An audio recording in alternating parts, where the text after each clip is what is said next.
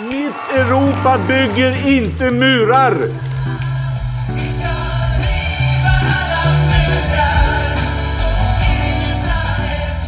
Syftet med de åtgärder som vi nu presenterar är att skapa ett andrum för svenskt flyktingmottagande. Mycket av det som regeringen sa igår ställer ju oss vi positiva till och vi tror också att en del av det kan dämpa trycket.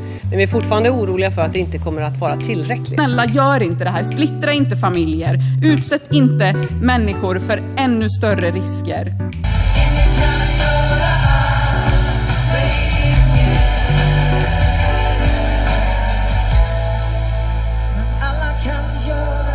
Hej och varmt välkomna till Människor och migration.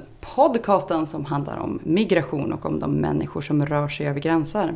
Jag som pratar nu heter Maja Dahl och jag är kommunikationsansvarig här på Arena Idé som ger ut den här podcasten. Idag så ska vi prata om Afghanistan och då är personer som utvisas dit. Personer som söker asyl från Afghanistan är ju en av de grupper som har svårast att få asyl i Sverige. Samtidigt ser vi hur läget i Afghanistan är långt ifrån säkert. Utrikesdepartementet avråder svenskar från att åka dit och Sveriges ambassadör på plats tillåts inte ha med sig sin familj. Så vad är det egentligen för land som Sverige nu utvisar människor till? Hur ser mottagandet ut på plats och vad händer med de som utvisas? Ja, med mig för att besvara de här frågorna har jag som vanligt Arena Idés utredningschef, statsvetaren Lisa Pelling. Välkommen! Tack så mycket! Och för att besvara alla lagliga frågor, alla jurid, och olagliga frågor. Alla, alla, lagliga och olagliga frågor. Asylrättsadvokaten Ignacio Vita, välkommen. Hej. Hej. Dessutom så i och med att det här är ett litet specialavsnitt om Afghanistan så har jag tidigare idag intervjuat journalisten Martin Schibbye från Blank Spot Project för att prata om deras reportage från Afghanistan. Vi kommer att återkomma till det lite senare, så för först tänkte jag att vi ska prata lite om hur läget är just nu och hur vi hamnade här. Lisa, hur många är de afghanska medborgare som sökt asyl i Sverige de senaste åren? Eh, och hur ser den här beviljande procenten ut? Mm. Under eh, 2000-talet så är det ungefär en av tio av de som har sökt asyl i Sverige som kommer från Afghanistan. Så kan man jämföra med att det är alltså 10 procent mellan år 2000 och 2016 som afghanska medborgare bland de asylsökande. Det kan man jämföra med att eh, 17% av de som sökte asyl under de här åren var från Syrien och 13% från Irak. Så att afghanska medborgare kommer liksom på tredje plats av eh, medborgarskap som har, eller personer som har sökt asyl i Sverige. Och det är ett antal som har ökat väldigt mycket. År 2000 så var det bara drygt 300 personer från Afghanistan som sökte asyl i Sverige. Och sen var det under ganska många år, mellan 2 och 3 tusen per år. För att sen år 2015 då öka väldigt kraftigt till 41 000 afghanska medborgare som sökte asyl i Sverige. Och av dem var ju väldigt många ensamkommande. Alltså eh, barn under 18 år som kom utan sina vårdnadshavare till, till Sverige. Totalt under de här åren eh, så var det 69 000 personer från Afghanistan som sökte asyl i Sverige. Alltså från 2000 och framåt. Varav då som sagt 41 000 2015. Förra året så var det lite knappt 3 000, 2 900 personer som sökte asyl. Och hur många av de här personerna beviljas då asyl? Ja, det är lite speciellt med afghanska medborgare faktiskt. För de eh, beviljas asyl i ganska mycket lägre grad än andra grupper. Särskilt om man jämför med syrierna som ju under de senaste åren har haft eh, en beviljandegrad på nästan 90 procent. Så liksom 9 av 10 av de syrier som har sökt asyl i Sverige har åtminstone fram till den tillfälliga lagen började gälla i juli förra året fått fått eh, uppehållstillstånd i Sverige.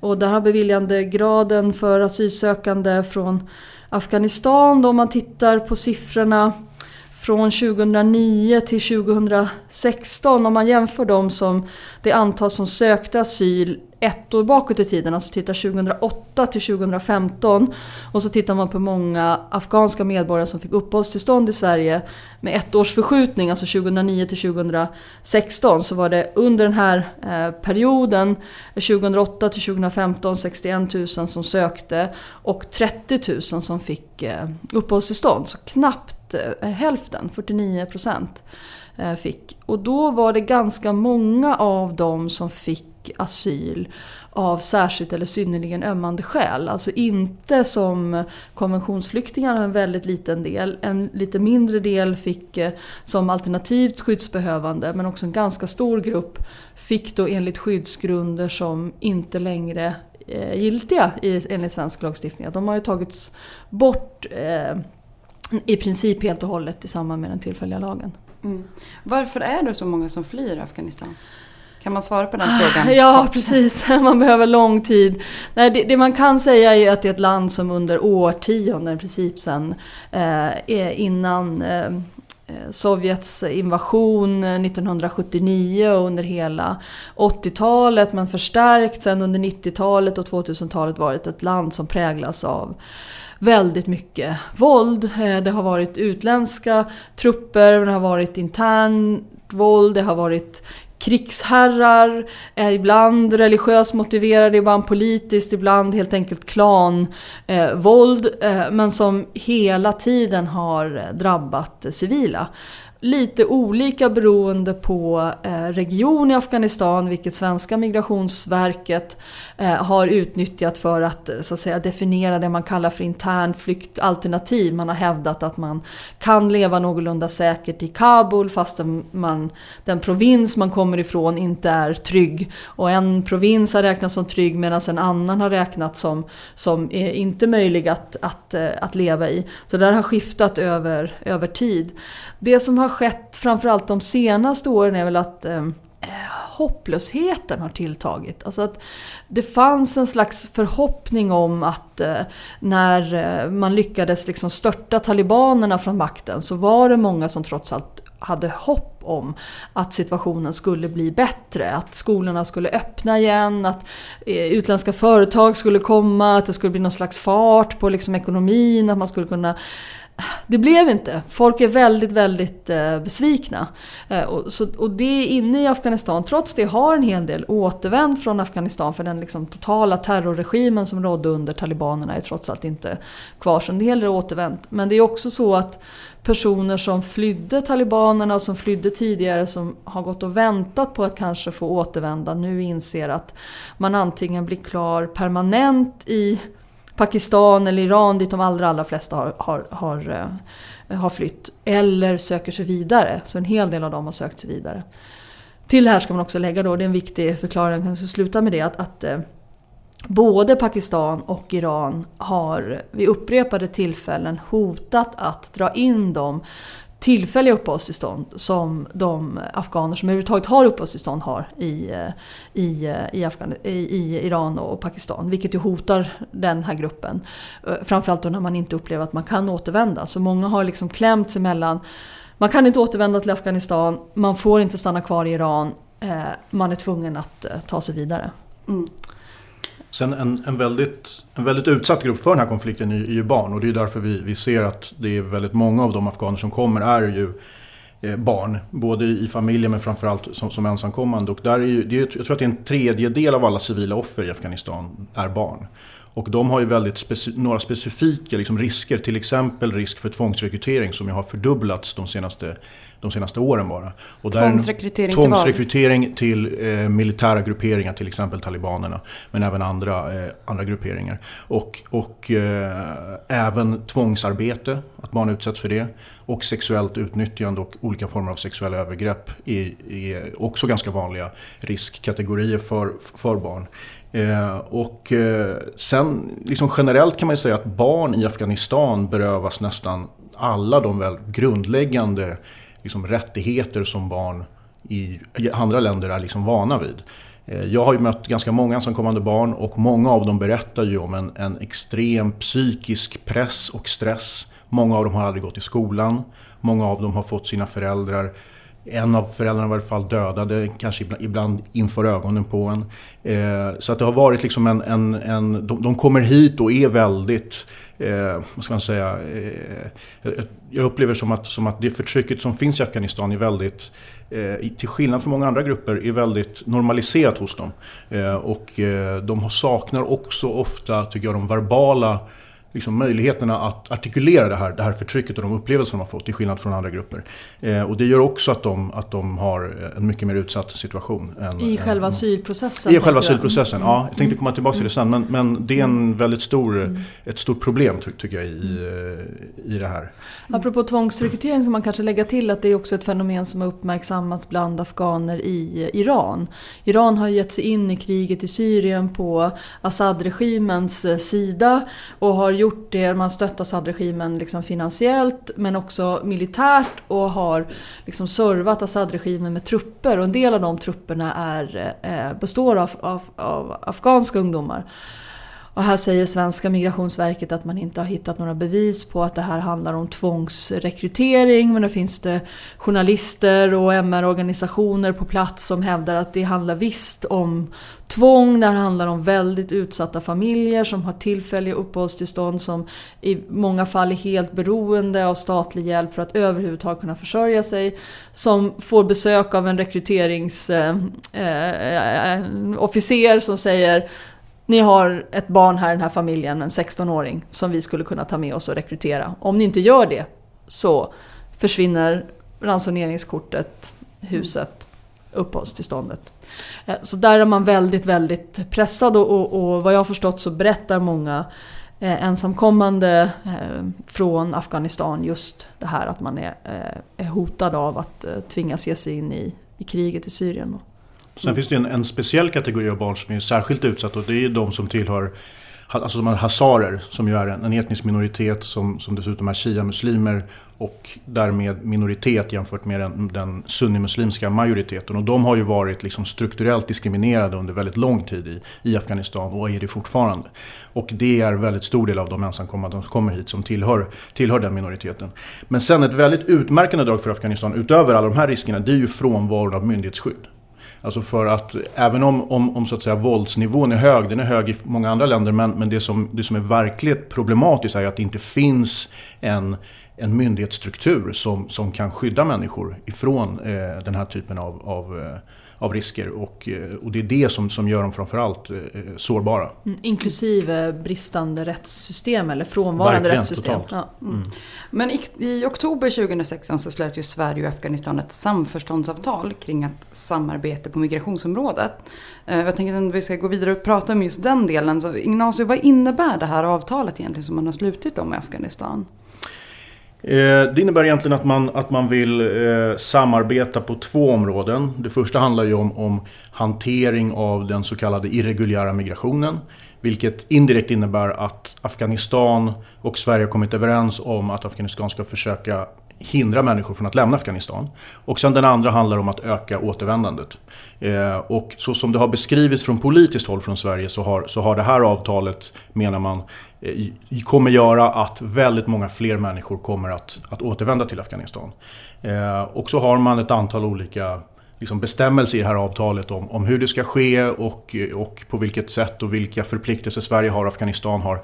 Men till saken hör ju då att, att det här avtalet röstades ner av, den afghans, av det afga, afghanska parlamentet. Alltså efter att man hade slutit det här avtalet så, så måste det så att säga eh, få ett godkännande i Afghanistan och det fick det inte. Så att det har, har eh, eh, inte det, finns, det, det, har inte trätt i kraft så att säga. Och, och, där har ju Morgan Johansson sagt att det inte spelar så stor roll för att försöka rädda situationen sannolikt. Eh, för att det finns ett, en överenskommelse mellan EU och Afghanistan om att, om att fler ska återvända från EU till Afghanistan. Men, men eh, som vi säkert kommer att prata om lite senare så är det, ganska, det är inte så lätt att utvisa personer till Afghanistan. Eh, och påståendet om att, de, att det skulle öka eh, liksom drastiskt verkar det vara hyfsat svårt just nu i alla fall. Mm. I det här avtalet, även om det nu kanske då inte gäller, men så står det även då att, att återvändandet, båda parterna ska samarbeta för att återvändandet sker värdigt, säkert och ordnat. För mig som då inte är jurist så är det ju svårt att förstå vad det innebär rent konkret. Går det att översätta det här från juridiska till vanlig svenska så att vi vanliga dödliga kan förstå vad som menas med de här tre orden? Värdigt, säkert och ordnat. Ja. Mm. Gällande mottagande. Jag skulle säga att det inte betyder någonting överhuvudtaget. Eh, det är bara en, en, liksom en, ett, politiskt språk framförallt som, som handlar om att, om att försöka framställa någonting som, som inte är värdigt eh, och som inte kan vara säkert i ett land som Afghanistan. Att, att på något sätt eh, ändå friskriva sig eventuell kritik mot, mot att de här verkställigheterna skulle vara säkra och värdiga. För att om man tittar på situationen i Afghanistan nu och tittar på de utvisningarna som väldigt ofta i alla fall sker tvångsmässigt så är det väldigt få sådana utvisningar som, som når upp till, till ord som, som värdiga eller, eller så. Mm. Så, att, så att eh, jag kan faktiskt inte svara på vad de menar med Det går inte att säga något så, så att det är mätbart? Nej, alltså det som är uppenbart är att Sverige har förpliktelser, internationella förpliktelser som man inte får bryta med och det, har, det här avtalet påverkar inte dem på något sätt överhuvudtaget utan, utan de måste alltid iakttas. Du får inte skicka tillbaka personer som, som riskerar att utsättas för tortyr till exempel. Och, mm. och som står i det här avtalet är, är eh, mindre det, det, är liksom ord som inte, som inte har någon objektiv betydelse. Egentligen, mm. skulle jag, säga. jag tänker att vi ska komma, återkomma sen till liksom vad de andra internationella liksom lagstiftningar och sånt säger. Men innan vi går in på hur andra länder gör kring just Afghanistan och hur Sveriges agerande går ihop då med internationell lagstiftning. Så ska vi gå in på och lyssna på den intervju som jag gjorde tidigare idag med Martin Schibbye från Blankspot Project. Blankspot har ju då gjort en reportageserie där de har följt personer som utvisas till Afghanistan. De har intervjuat forskare och Sveriges ambassadör på plats. Och så här lät intervjun. Jag tänker att vi börjar med att prata liksom om Blankspots reportage. Mm. Ni har ju då eh, följt personer på plats i Afghanistan som har utvisats från Sverige. Mm. Vad tycker du liksom har stickt, eh, vad är det som sticker ut i de reportagen som ni har gjort?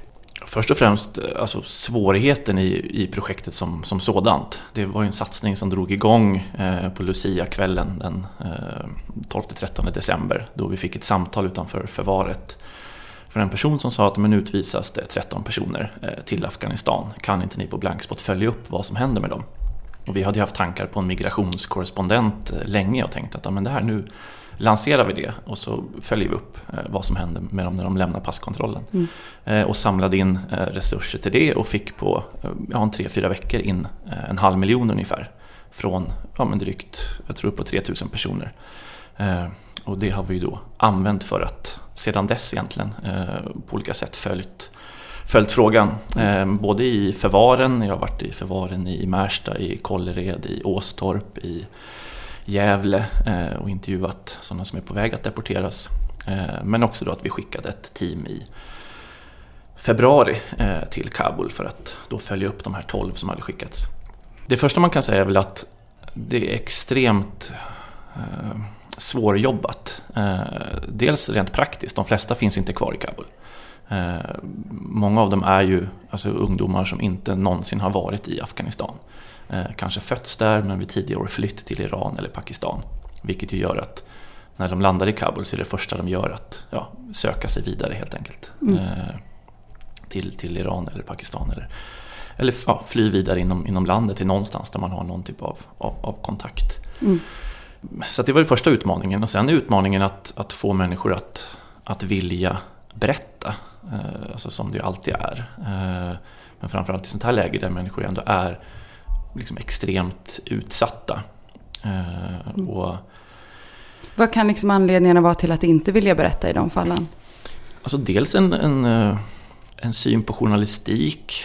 Alltså så att man, man förstår inte vad, varför ska jag prata med en journalist eh, överhuvudtaget. Alltså, förståelse för journalistikens roll i en demokrati eller, eller, eller att det slår över och tänker så här, men om jag ger en intervju nu kommer jag då få asyl i Sverige?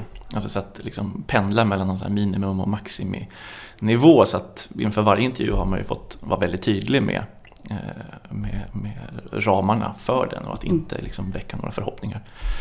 Sen är det också människor som är alltså väldigt eh, traumatiserade, eh, livrädda, rädda för att dö. Många av dem har ju försökt ta sina liv, har uppenbarligen självmordstankar och liksom ganska långt gången, gångna suicidplaner med, med, flera försök bakom sig, flera av dem. Vilket gör att... Jag märkte det när jag började intervjua människor i förvaren att, att för att möta de här människorna så krävdes det nästan kunskaper som jag inte hade. Eh, mm. Så att jag, började, jag såg på Youtube så föreläsningar för människor som jobbar med med typ socialarbetare som närmar sig människor som, ja hur pratar man med någon som liksom vill ta sitt liv egentligen som, som journalist? Och vi fick väldigt mycket bra tips kring att ja, men ställ inga frågor om hur mår du? Eller, eller, alltså den typen av frågor, för det ger inga vettiga svar. Men däremot fråga om, ja, men om det ändå blir nu så att du utvisas till Kabul, vad har du för strategier då?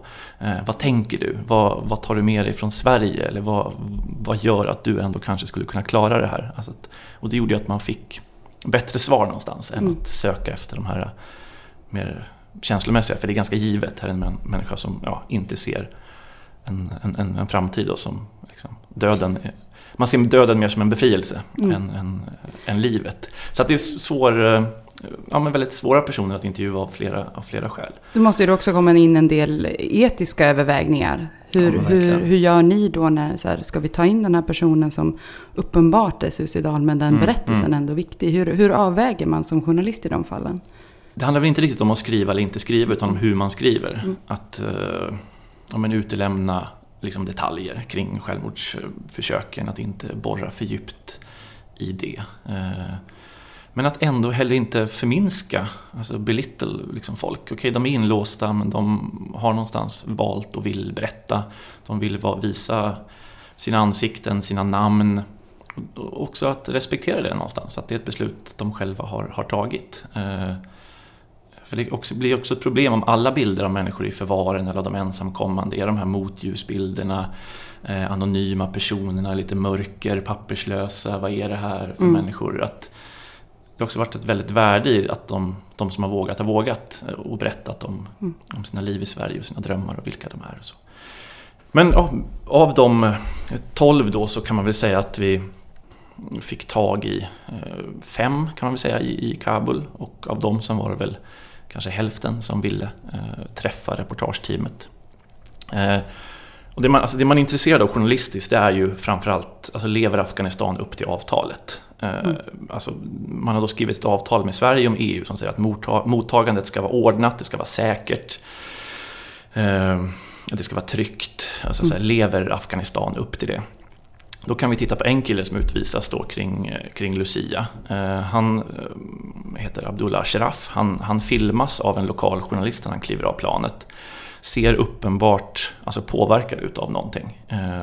antingen av ja, någon typ av, av medicinering eller också mår han helt enkelt inte, inte bra. Mm. han når aldrig sin familj i Kabul. Han har familjen i Kabul, han når aldrig fram dit. han försvinner någonstans på vägen. Eh, hans familj sätter upp lappar efter honom och söker efter honom men, men hittar honom inte och befarar nu att han har dött. Eh, alltså att han inte längre är vid liv. Och han utvisades från Sverige? Han utvisades från Sverige vid Lucia-utvisningen. Uh. Och han går inte att, att få tag på helt enkelt. Så där kan man ju säga att där var inte, det, det mottagandet var ju inte mm. liksom särskilt ordnat. Och de ni träffade sen? fångades upp. Mm. Då försökte ju vårt team träffa hans familj och, och försökte liksom gå till botten med det men man kunde inte konstatera annat än att han var försvunnen till hans familjs stora, eh, stora skräck. Mm. De som teamet eh, träffade, en eh, Mustafa Naubi som eh, kommer från, eller var, spenderade sin tid i Västsverige. Eh, känd som brottaren, skriv, om, omskriven ganska mycket i GP. Och, eh, han levde kan man säga ja, men som, en, eh, som en fånge i sin lägenhet. Eh, instängd, eh, vågade inte gå ut. När attacken skedde mot parlamentet i, i januari så såg han ju liksom röken utanför, utanför sitt fönster och kunde liksom höra explosionen av, av, av, av mm. bomberna liksom in i sin lägenhet. Så han var ju rädd för att, ja, men rädd för att gå ut helt enkelt. Och, och kvar i sin lägenhet och hade väl en, en förhoppning om att ja, någonstans eh, liksom, ta, sig tillbaks till, ta sig tillbaks till Sverige. Eh, en annan person, eh, Basir, eh, hade ju liksom återvänt till sin, till sin hemby. Eh, där hade talibanerna fått reda på att han hade kommit tillbaka.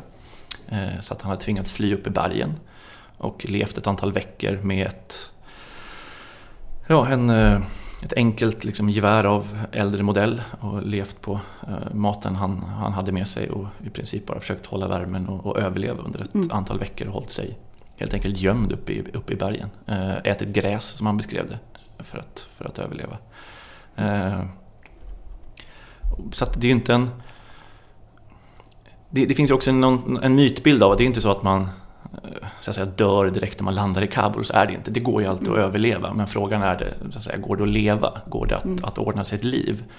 Om man ska hitta någon en generell spaning på de fallen så är det ju att de som har någon typ av nätverk i Kabul, alltså släktingar eller familj eller någon typ av nätverk, de har en möjlighet att, så att säga, klara sig. Men de som utvisas utan någon som helst nätverk är, liksom, har väldigt, väldigt små chanser att, att bygga sig eh, mm. Ja, bygga, bygga sig ett liv. Men som det här avtalet då mm. som lyfter att, att mottagandet ska vara, det ska vara värdigt mm, mm, eh, och det ska mm. vara ordnat. Mm. Vad är liksom då organiseringen runt mottagandet? Vad har ni kunnat se? Vad gör Afghanistan för att faktiskt se till att mottagandet är värdigt ordnat? Det som finns är en, en, en, ett litet kontor på flygplatsen som då eh, drivs av eh, vad heter det, IOM, International mm. Organization of, of Migrants. Och de är ju väldigt tydliga med att vi har ingenting med utvisningar att göra. Eh, de lägger sig inte i så att säga, den, de får ingen information om mm. när deportationerna kommer eller inte. Men dit kan man då gå och det är också IOM som betalar ut de som har fått då ett, ett återetableringsstöd. Eh, men det bygger ju på att du återvänder frivilligt. Så har du chans att få då 30 000 kronor utbetalat. Och om man börjar titta på den detaljen så är det ju så att Norge eh, använde ju tidigare IOM också och lät dem betala ut stödet. Eh, men eh, norska UD fick rapporter om korruption inom IOM, gjorde en väldigt grundlig utredning av Deloitte, heter de, eller Deloitte, den här revisionsfirman, som konstaterade så pass allvarliga som brister och så pass allvarlig korruption så att Norge helt bröt med IOM och betalade nu ut pengarna via ett privat advokatkontor i Kabul till de norska deporterade. Eh, när vi presenterade den här informationen för svenska ambassaden i Kabul så kände han inte till att Norge hade brutit med IOM eller korruptionsanklagelserna mot IOM. Och det var ju ganska allvarligt eh, kan, man, kan man tänka. Och jag tror det har sin grund i att Sverige har ju ingen som helst uppföljning av vad som sker. Och I början kunde man ju få en bild av att det var så, men nu har ju både ambassaden och Migrationsverkets utsände samarbetsman i Kabul sagt att nej men vårt ansvar upphör vid passkontrollen. När Afghanistan tar emot dem, där upphör Sveriges ansvar. Vi har ingen som helst uppföljning eh, av vad som sker med de som utvisas. Och då är frågan, hur, hur ska man då kunna utvärdera om det är mm. rättssäkert säkert? Och det här, om man inte har några, hur kan man skriva ett avtal utan någon typ av kontrollmekanism eller någon typ av liksom, checks and balances i det här? Vilket ju är anmärkningsvärt i sig, utan nästa möte då om avtalet ska ske om två år. Som två år ska man sätta sig och titta igenom. Men då har man ju inget underlag på ja, vad hände med de vi utvisade? Hur, hur togs de emot? Så där har ju journalistiken en jätteviktig roll att, att spela. Eh, att, att faktiskt fortsätta resa och, och, och, och följa upp. Eh, och, jag menar, vi har en, en mängd eh, mängd. Vi har ett, ett reportage vi kommer att publicera nu i veckan. En, eh, en eh, Yama Said som utvisas. Han har sin familj, sin fru, sitt barn i Sverige. Eh, han har blivit anklagad för att stötta talibanerna i, Afghanistan, blivit fängslad för det, lyckats rymma, ta sig till Sverige. Har en dom mot sig, han skickades tillbaks, eh, blev sönderslagen av afghansk polis här för en vecka sedan. Eh, och håller sig nu gömd i, i, i, i Kabul. Så där har vi ett, ett exempel på en människa med, ja, som har blivit utsett ändå för en, en, en behandling som borde ha gett honom skydd. Det han var rädd för att skulle hända har, har så att säga hänt. Så att det finns ju en mängd, en mängd exempel. Men sen finns det ju också, och det här är ju mm, liksom, det finns ju också gråzoner, det finns ju också hundratals människor som återvänder frivilligt. Som tar sitt återvändande bidrag, eh, som återvänder till Kabul med sina 30 000 kronor som ändå är en årslön, en och en halv årslön för en liksom, myndighets, eh, myndighetsperson.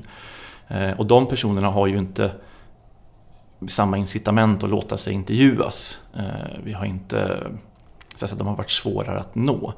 Men det är klart, det finns också en mängd berättelser om eh, där, där det fungerar. Så att säga. Mm. Ja, uppenbarligen inte haft ett liksom, skyddsskäl eller asylskäl. Man återvänder med sitt återvändande bidrag bygger man upp en, en verksamhet.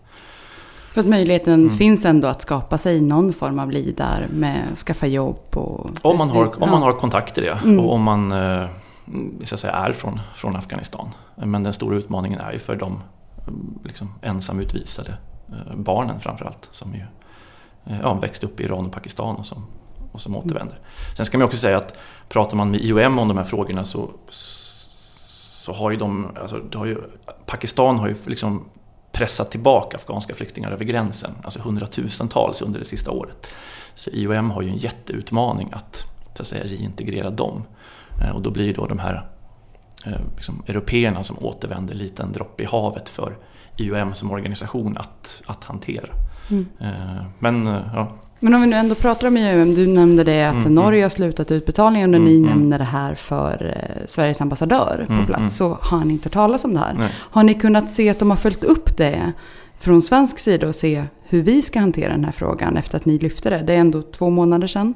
Alltså, Migrationsverket säger ge oss, ge oss rapporter, hittar ni någonting som är fel så vill vi jättegärna veta det. Eh, skicka mm. det till oss. Så det verkar finnas ett väldigt incitament hos Migrationsverket att liksom gå till botten med det och få reda på, har det skett några felaktiga eh, utbetalningar? Försvinner pengar på vägen? Är det några problem? Eh, och vi har ju följt eh, en mängd fall där det så att säga, har strulat med utbetalningar. Eh, men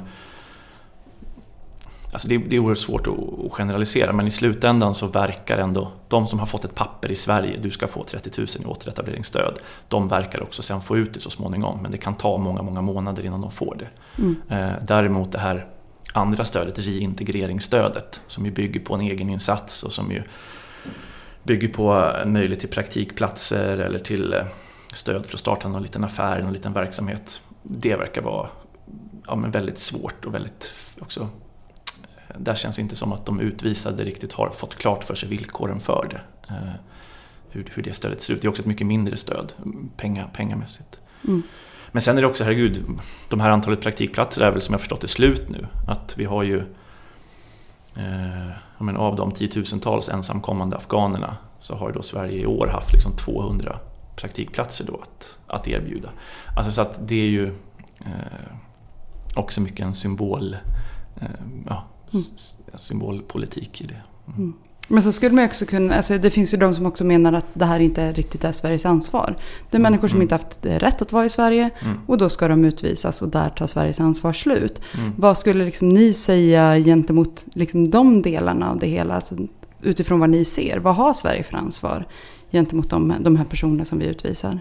Alltså vi är ju en, vi är en rättsstat och vi har lagar och, och regler och man kan ju titta på Ekot hade ju en stor granskning som menade att eh, uppemot hälften av eh, migrationsärendena så finns, det, så finns det fel som är, som är, som är begångna. Eh, vi har en, en ganska absurd situation kring, kring åldersbedömningar som ju först nu med Rättsmedicinalverket har liksom börjat, börjat liksom komma igång med någon typ av liksom ordentlig praxis kring det och inte de här gissnings, gissningslekarna. Så att alltså även om en person som saknar så att säga, asylskäl som kommer hit och som får avslag på sin, eh, på sin ansökan och som ska deporteras. Den processen måste ju också ske eh, liksom, rättssäkert mm. Eh, och, och, där kan man ju konstatera att det i flera fall finns, finns att säga, brister i den, i den processen. Men visst är det så, alla eh, liksom, av de som kom hösten 2015 har inte liksom, asyl eller skyddsskäl eller, eh, mm. eller olika skäl till att, till att få stanna. Eh, det är, ju, det är ju självklart och det är alla överens om och det är inte riktigt frågan heller utan frågan är ju hur sköts det här av Sverige? Hur, eh, hur, hur, är, hur är situationen i förvaren? Hur kommer det sig att vi har fått en, liksom en, en självmordsvåg bland, bland ensamkommande?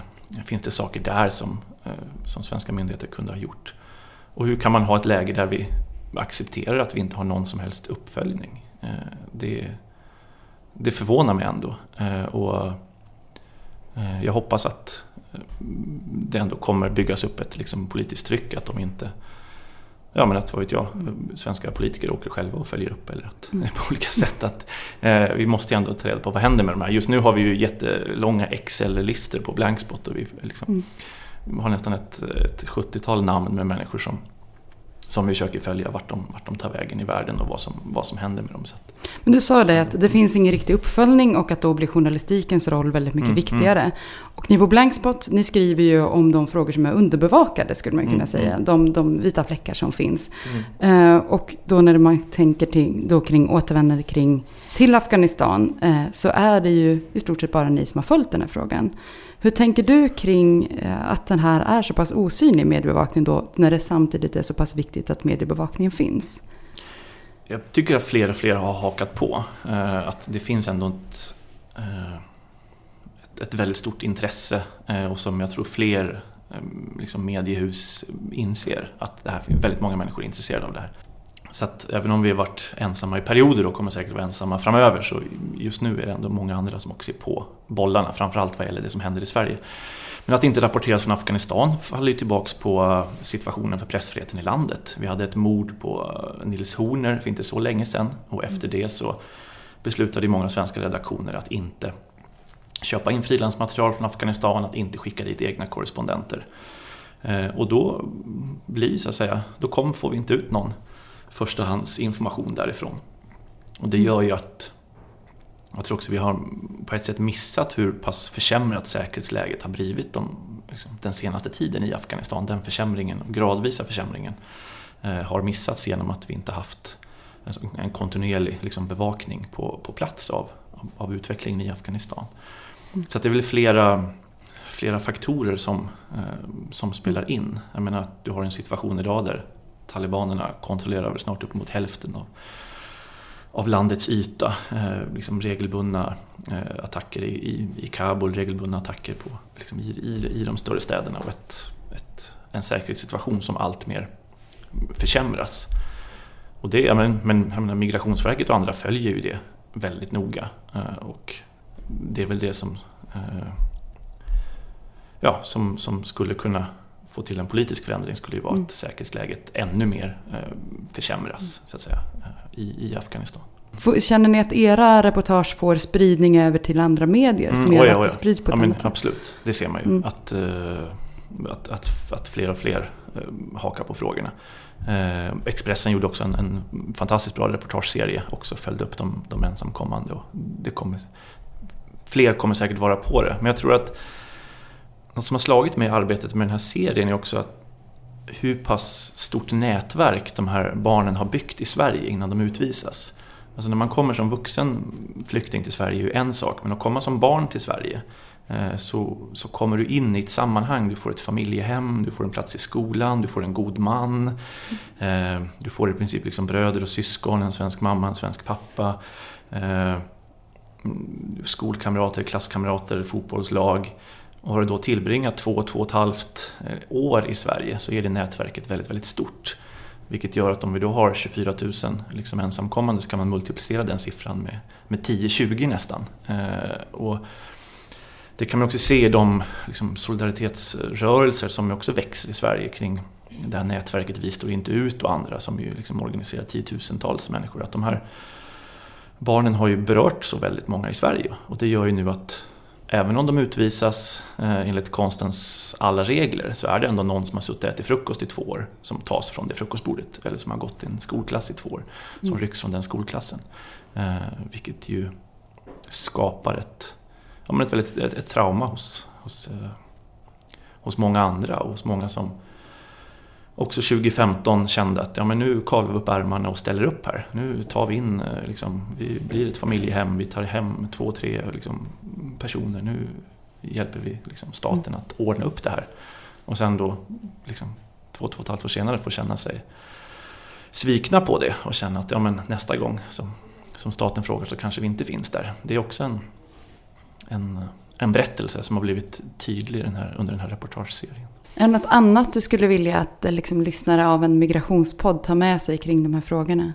men alltså, migration är ju, det är vår tids eh, stora fråga. Alltså, vi är ju bara i, liksom, i början av de liksom, migrantströmmar vi kan, vi kan komma att se. Så att, och, men här tror jag också att, att journalistiken måste eh, förnya sig för att kunna eh, liksom, berätta om det här. Det kräver en långsiktighet och tålamod och en uthållighet på ett sätt att, att berätta om, om, om frågorna och, och, de här, och de här fallen.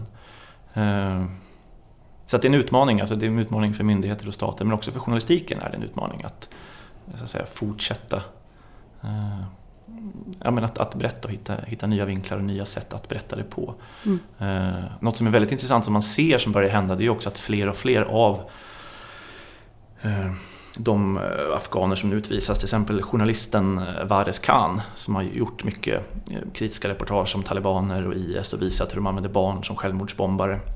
som inte fick sin sak prövad kan man säga, för det är en lång historia kort i Sverige, utan han skulle utvisas. Där har ju nu FN gått in och FNs liksom, Genève och startat en, en, en, utredning där man ska titta på Sveriges behandling av honom. Och i tangentens riktning så ligger ju att Sverige kommer antagligen prickas för eh, behandlingen av Aris Khan. Eh, men han är ju nu utsläppt ur förvaret i väntan på den, eh, det beslutet av FN. Och det är så fantastiskt att se hans iver. Vi Blankspot sponsrade honom då men han fick en kamera och ett stativ och en dator och så han kunde liksom komma igång som journalist igen.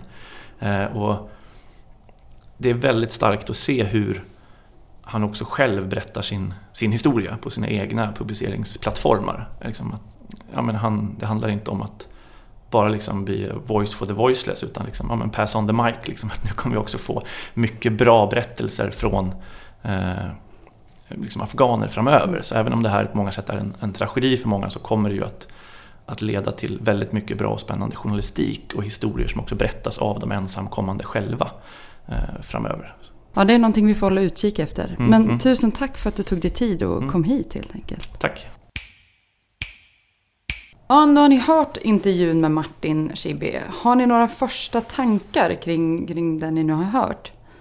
Ja, det var otroligt spännande att, att lyssna på honom. Jag har följt Blank Sport Project eh, lite grann. Det var väldigt spännande att höra hur han eh, eh, ja, men att de når fram och att de kan beskriva de här fallen. Så tänker jag liksom, två saker. Om, om man skulle fråga Sveriges migrationsminister varför gör man det här? Då svarar han eh, det här är liksom en reglerad invandring. Den som inte får uppehållstillstånd i Sverige ska återvända. Och för att ordna det återvändat på ett ordnat sätt som de kallar det så måste man ha ett avtal med eh, landet som de ska avvisas och utvisas till.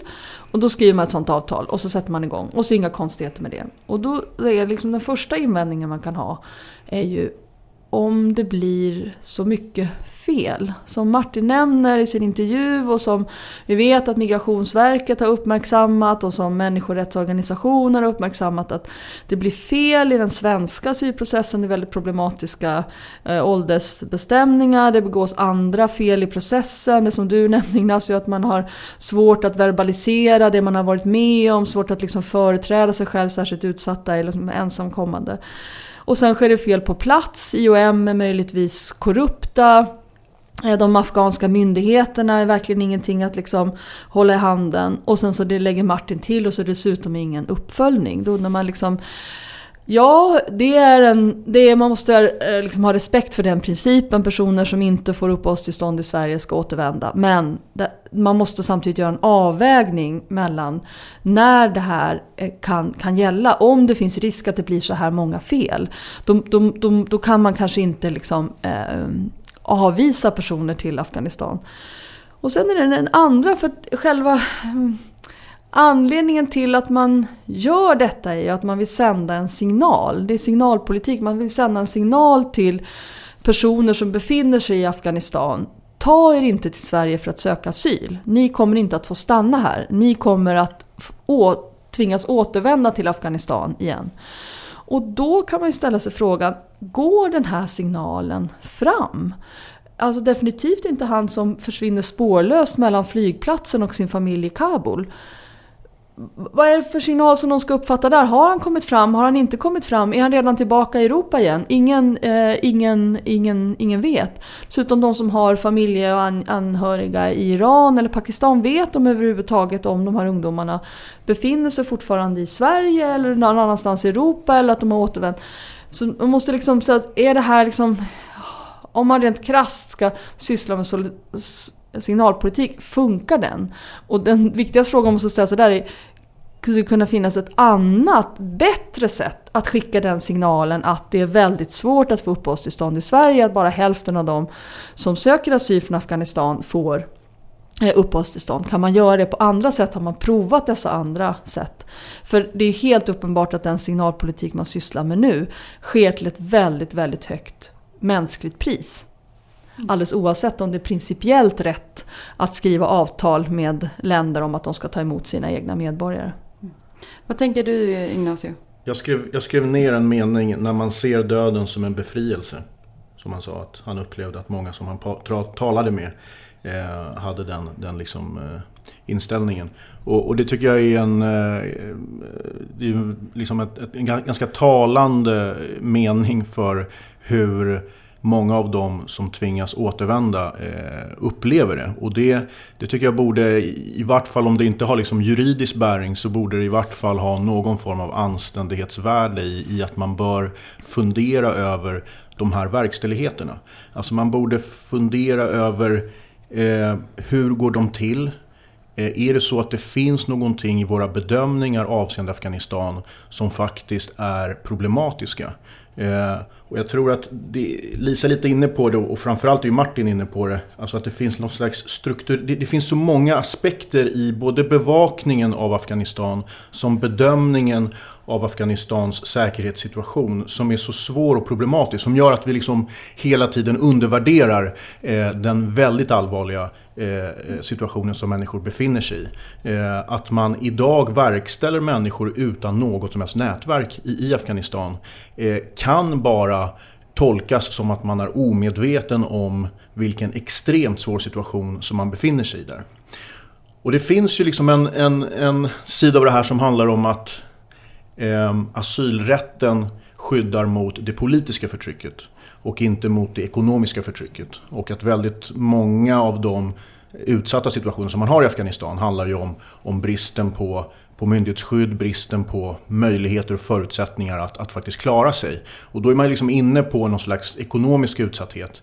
Men, men jag tycker att Afghanistan är ett väldigt tydligt exempel på där den ekonomiska utsattheten är väldigt nära den politiska Eh, för att, för att den ekonomiska utsattheten är ju ett resultat av en politisk process.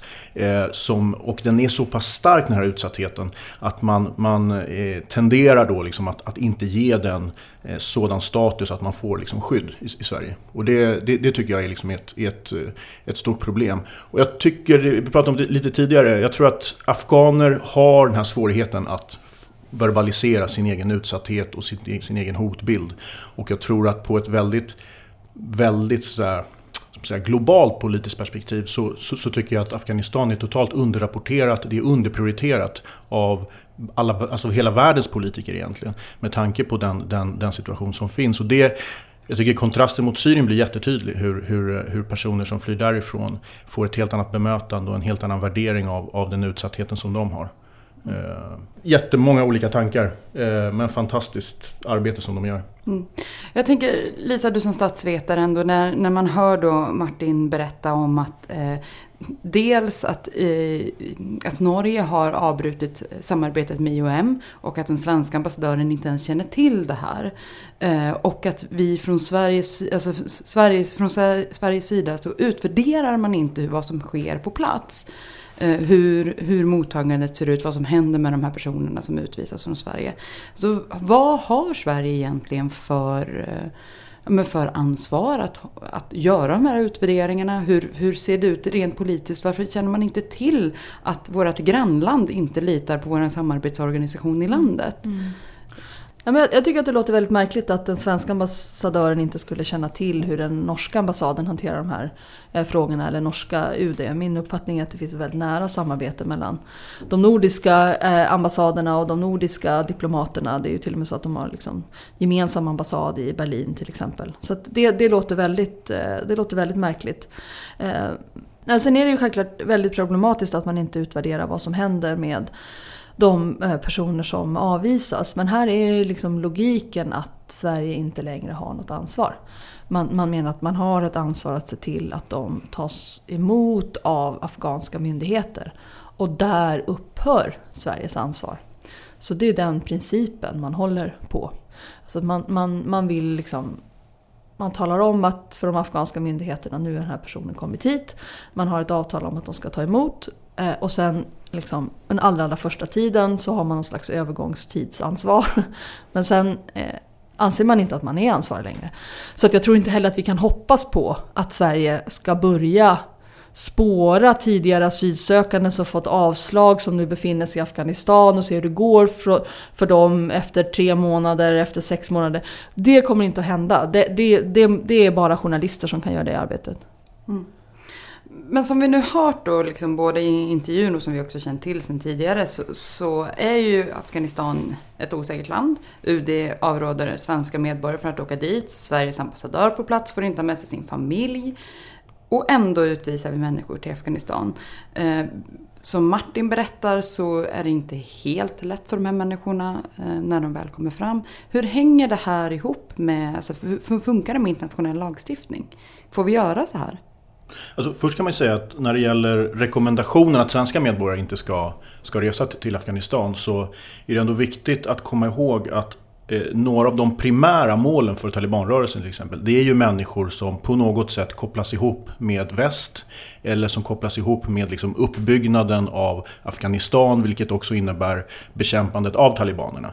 Så att västerlänningar är ju typiskt sett eh, mycket lättare måltavlor än vad en vanlig, nya citationstecken här i studion, en, en vanlig afghaner. Så att det är nog, jag, jag, tycker att det är en ganska rimlig rekommendation att inte, eh, så att säga, eller att rekommendera svenska medborgare att inte åka dit. Eh, och det är också bakgrunden till att, till att få, få göra det och att de inte tar med sig sina familjer och så vidare.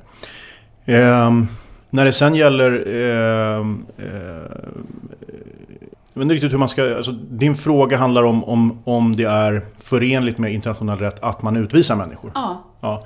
Och då har man ju gjort en, liksom en, en prövning här.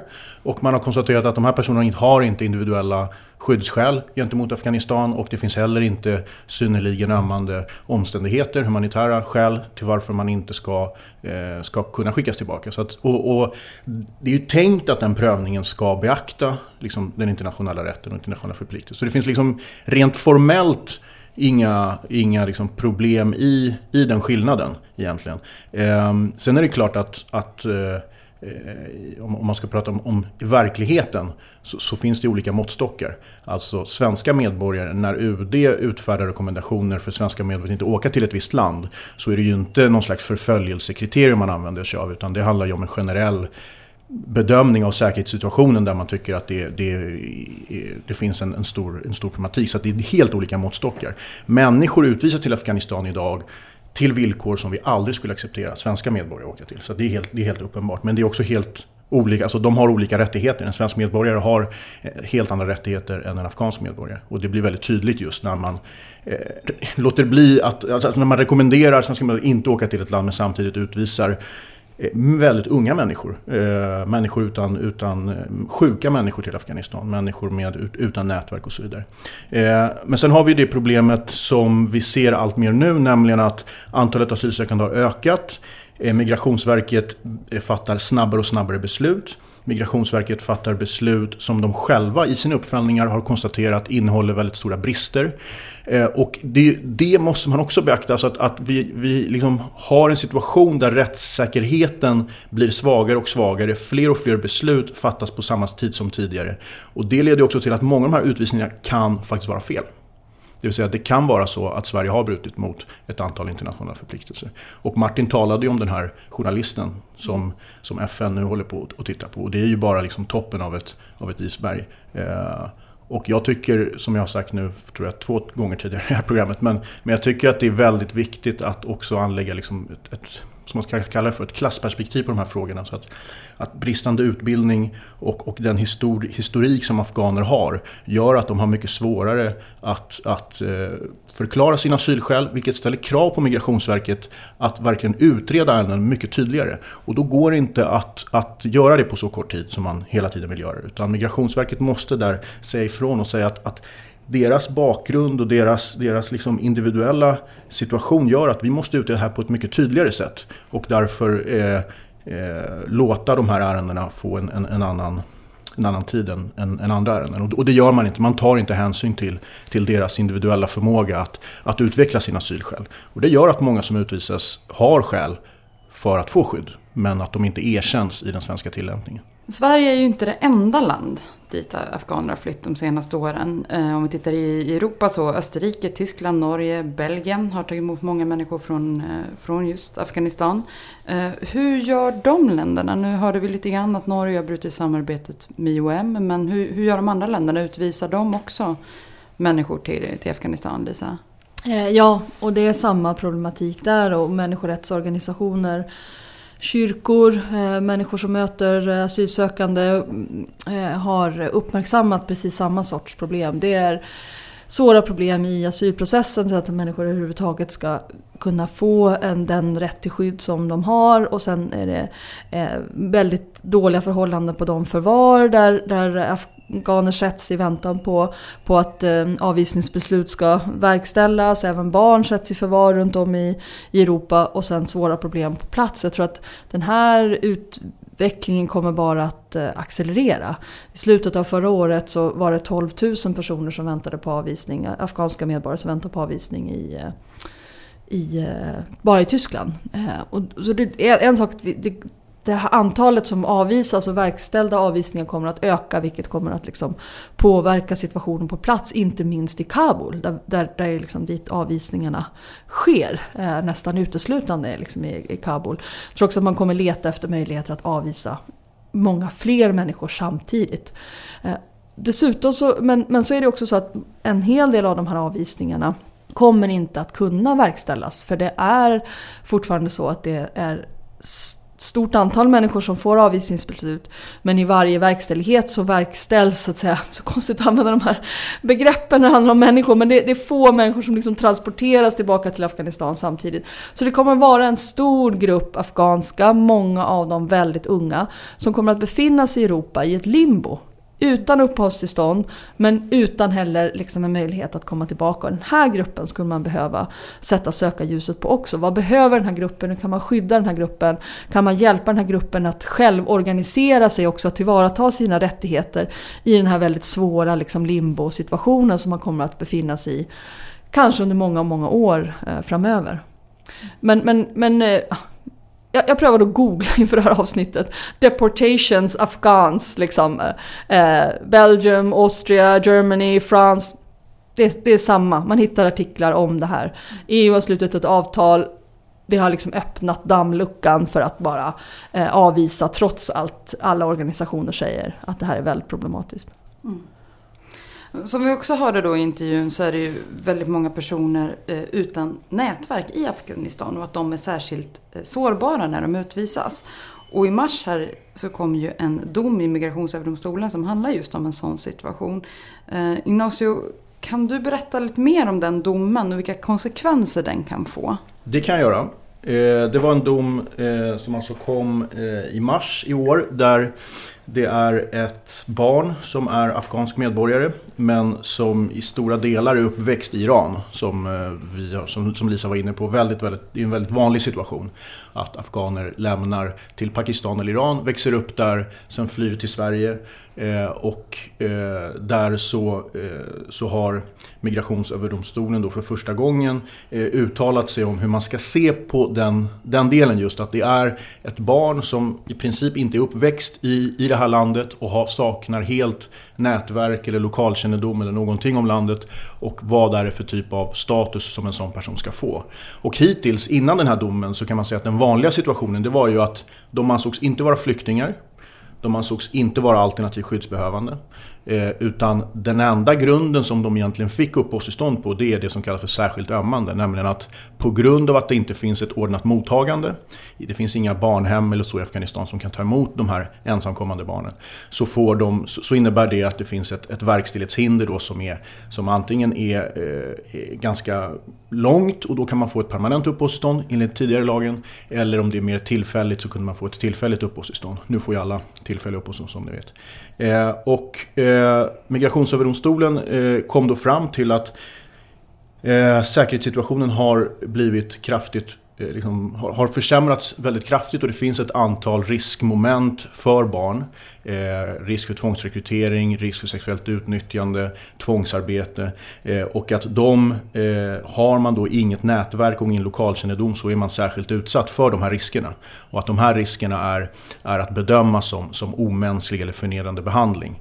Vilket då leder till att, och att man inte har något myndighetsskydd så man kan, som man kan, eh, man kan få skydd mot det här. Och därför så, så har man då fastslagit att, att barn i den situationen är, Eh, är typiskt sett att bedöma som alternativt skyddsbehövande.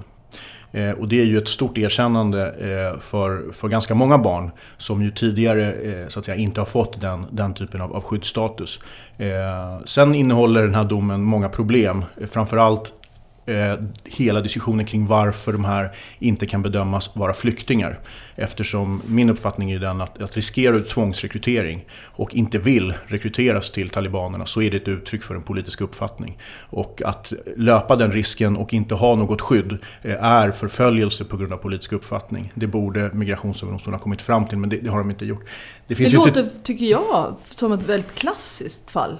Nästan som att flyktingkonventionen skrevs för de fallen.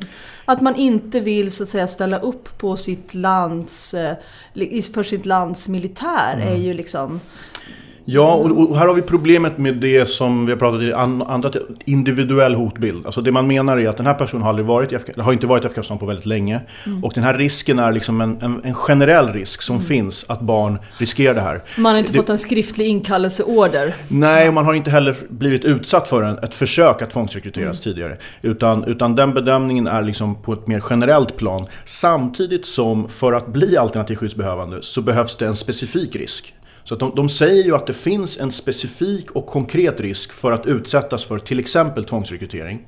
Men de tycker ändå inte att det här är mm. så att säga, förföljelse på grund av politisk uppfattning. Vilket är oerhört märkligt. För jag har ett antal klienter till exempel som har blivit utsatta för försök till tvångsrekrytering.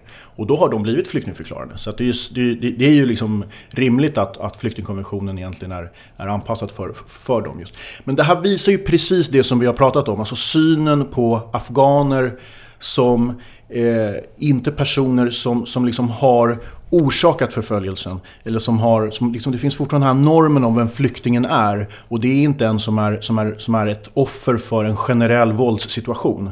Utan, utan, som, eh, utan som snarare har själv agerat för att för att bli utsatt för, för, för någon form av, av förföljelse. Gått med i ett parti eller ja, men precis. Gå, alltså på gått något, till en demonstration. Exakt, det måste finnas en mer individualiserad hotbild som, som måste ha, ha orsakats av ett eget agerande på något sätt. Och genom att man ser situationen i Afghanistan som, som eller afghaner som liksom passiva offer för en generell våldssituation så, så, blir det, eh, så blir det mycket svårare för dem att bli flyktingförklarade. Men när ett barn åker till Afghanistan talibanerna försöker rekrytera en. Det är helt uppenbart att den situationen kräver ju ett agerande från barnet att säga nej. Och det agerandet är förenat med livsfara mm. för dem. Så att, så att, eh, jag, jag, tycker att man hamnar fel när det gäller flyktingskapsbedömningarna. Men om man bortser från det så innebär det ändå en tydlig markering mot Migrationsverket om att man har inte så att säga bedömt säkerhetssituationen på ett vettigt sätt utan att man måste ge de här, de här barnen är i ett särskilt utsatt läge. Och det kommer leda till att Migrationsverket kommer att ompröva ett antal ärenden. Så att eh, eh, många av de barn som är upp, uppväxta i, i, Iran men som kanske har fått tillfälliga uppehållstillstånd nu på grund av, av verkställighetshinder eller särskilt ömmande omständigheter kan då vända sig till Migrationsverket och begära att få en statusförklaring. Eh, och det kommer ge dem ett, ett starkare skydd. Så att det, för många, många barn så kommer det här att få, få positiva effekter. En annan stor del av just eh, perspektiv och frågor kopplat till just Afghanistan och utvisningarna dit är ju precis som Martin Schibbye nämnde i intervjun med honom, eh, nätverket Vi står inte ut och frågan kring amnesti. Men vi kommer göra ett eget avsnitt eh, om just den delen senare under vår. Så att ni lyssnare kommer få få, få ta del av de, de delarna också. Men nu tänker jag att det börjar bli dags att avsluta. Men innan vi slutar skulle jag vilja flytta fokus lite och be dig Lisa som statsvetare och expert på Socialdemokraterna att besvara en lyssnarfråga. För att vi gjorde ju ett avsnitt om migrationspolitiken och Socialdemokraterna innan Socialdemokraternas kongress nu i april. Eh, och vi har fått nu en fråga om vad som egentligen blev resultatet av den här kongressen. Och om man på något sätt kort kan sammanfatta vad som, vad som ju sades inom migrationspolitiken och om det finns något hopp att hålla i nu. Mm. Eh, jag vill också nämna organiserade socialdemokraten i rummet ska man också säga så att jag är inte helt eh, eh oberoende när jag, eh, eh, när, jag, när jag svarar på den här frågan. Det skedde en hel del förändringar i de skrivningar som fanns om migration i, i partistyrelsens utlåtande till riktlinjer. Och man, den gick i den riktning nästan, ja uteslutande i en, i en eh, eh öppnare, mer solidarisk eh, riktning symboliserat av att rubriken på avsnittet numera inte är en ansvarsfull migrationspolitik utan en ansvarsfull och solidarisk migrationspolitik. Man har lagt till skrivningar om att att eh, migrationspolitiken, framförallt flyktingpolitiken, vilar på ett eh, moraliskt ansvar som vi har att ge skydd till människor på flykt. Man har lagt till en liksom, portalparagraf, en öppningsmening om att eh, invandring är någonting eh, positivt. Mångfald är en del av förklaringarna till Sveriges framgångar. Utan invandring skulle vårt land vara fattigare såväl ekonomiskt och socialt som kulturellt. Så det har man liksom lagt till i, i, i början. Och sen har man eh, lagt till skrivningar om behovet av lagliga vägar. Detta fanns inte med alls tidigare med behovet av att skapa lagliga vägar för människor att eh, eh söka skydd i, eh, i EU. Man har också skrivit att eh, Socialdemokraternas principiella inställning är att permanenta uppehållstillstånd och, familje, eh, och möjlighet till familjeåterförening ökar tryggheten och främjar en bra etablering. Det här var istället för väldigt svävande formuleringar kring eh, vilken linje som Socialdemokraterna har gentemot den utveckling inom EU som vi har uppmärksammat flera gånger, det vill säga att, att EU går mot att sätta, istället för minimikrav inom migration och asylpolitiken så vill man sätta eh, eh, tak genom förordningar och dessa tak ska vara att eh, länder förbjuds att ge annat än tillfällig uppehållstillstånd till människor som får skydd. Och mot det så, så, så har man så att säga, skrivit in i riktlinjerna från kongressen att Socialdemokraternas principiella inställning är att permanenta uppehållstillstånd samtliga de här förändringarna på ett liksom principiellt plan, invandring är någonting positivt, vi har en moralisk skyldighet att ta emot människor på flykt, vi behöver fler lagliga vägar, målet är permanenta uppehållstillstånd. Allting är viktigt eh, och nödvändigt men på lång sikt. Eh, så att den som i de här riktlinjerna letar efter någonting som skulle kunna påverka den nuvarande regeringens nuvarande politik blir nog rätt eh, besviken. Eh, det finns ingenting om att den tillfälliga lagen skulle bli kortare än de tre år som, som man har tänkt. Det finns väldigt, inte några tydliga skrivningar om att man efter den tillfälliga lagens slut ska gå, återgå till den lagstiftning som var eh, innan. Det, eh, men, ja. men, kan inte skrivningarna om eh, permanent uppehållstillstånd och rätten till familjeåterförening Eh, det kan inte tolkas som att det är den tidigare lagstiftningen man vill gå tillbaka till. Eh, nej.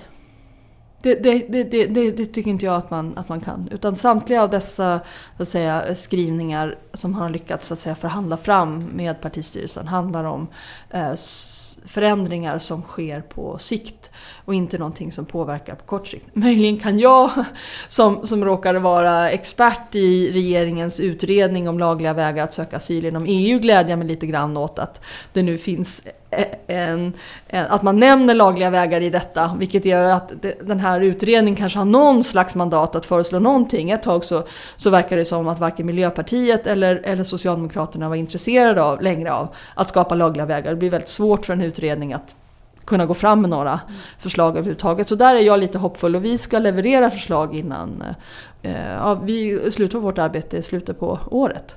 Så att eh, där kommer det ju att, eh, att finnas förslag då sen. Ja, men vad bra, då känns det som att vi har lite bättre koll helt enkelt på vad resultatet blev. Med det sagt så är det dags att avsluta dagens avsnitt. Tack Lisa Pelling och Ignacio Vita för att ni som vanligt tog er tid att stå här och svara på alla frågor. Ett särskilt tack till Martin Schibbye från Blankspot Project. Om du som lyssnar inte har läst de reportage från Afghanistan som Blankspot Project har gjort så gå genast in på blankspotproject.se och läs dem där. Där kan ni även se hur ni kan stötta eh, Blankspot Project. Nästa avsnitt av Människor och migration den kommer den 12 april. Om du som lyssnar inte klarar dig utan någonting som Arena Idé ger ut tills dess så gå helt enkelt in och lyssna på Pengar och politik, vår syskonpodd. Eller på Jakten på den jämlika skolan som Vesna Prekopic gör för Arena Idé. Du kan även gå in och lyssna på Arena Play där vi lägger upp inspelningar från våra seminarier. Har ni frågor eller kommentarer på dagens avsnitt går det bra att antingen twittra dem till oss på arenaid eller skriv det på vår Facebook-sida. Sök bara på människor och migration så hittar ni oss där. Med det sagt, tusen tack för att du har lyssnat och vi hörs igen den 12 april. Tack! Hej då! Hej då!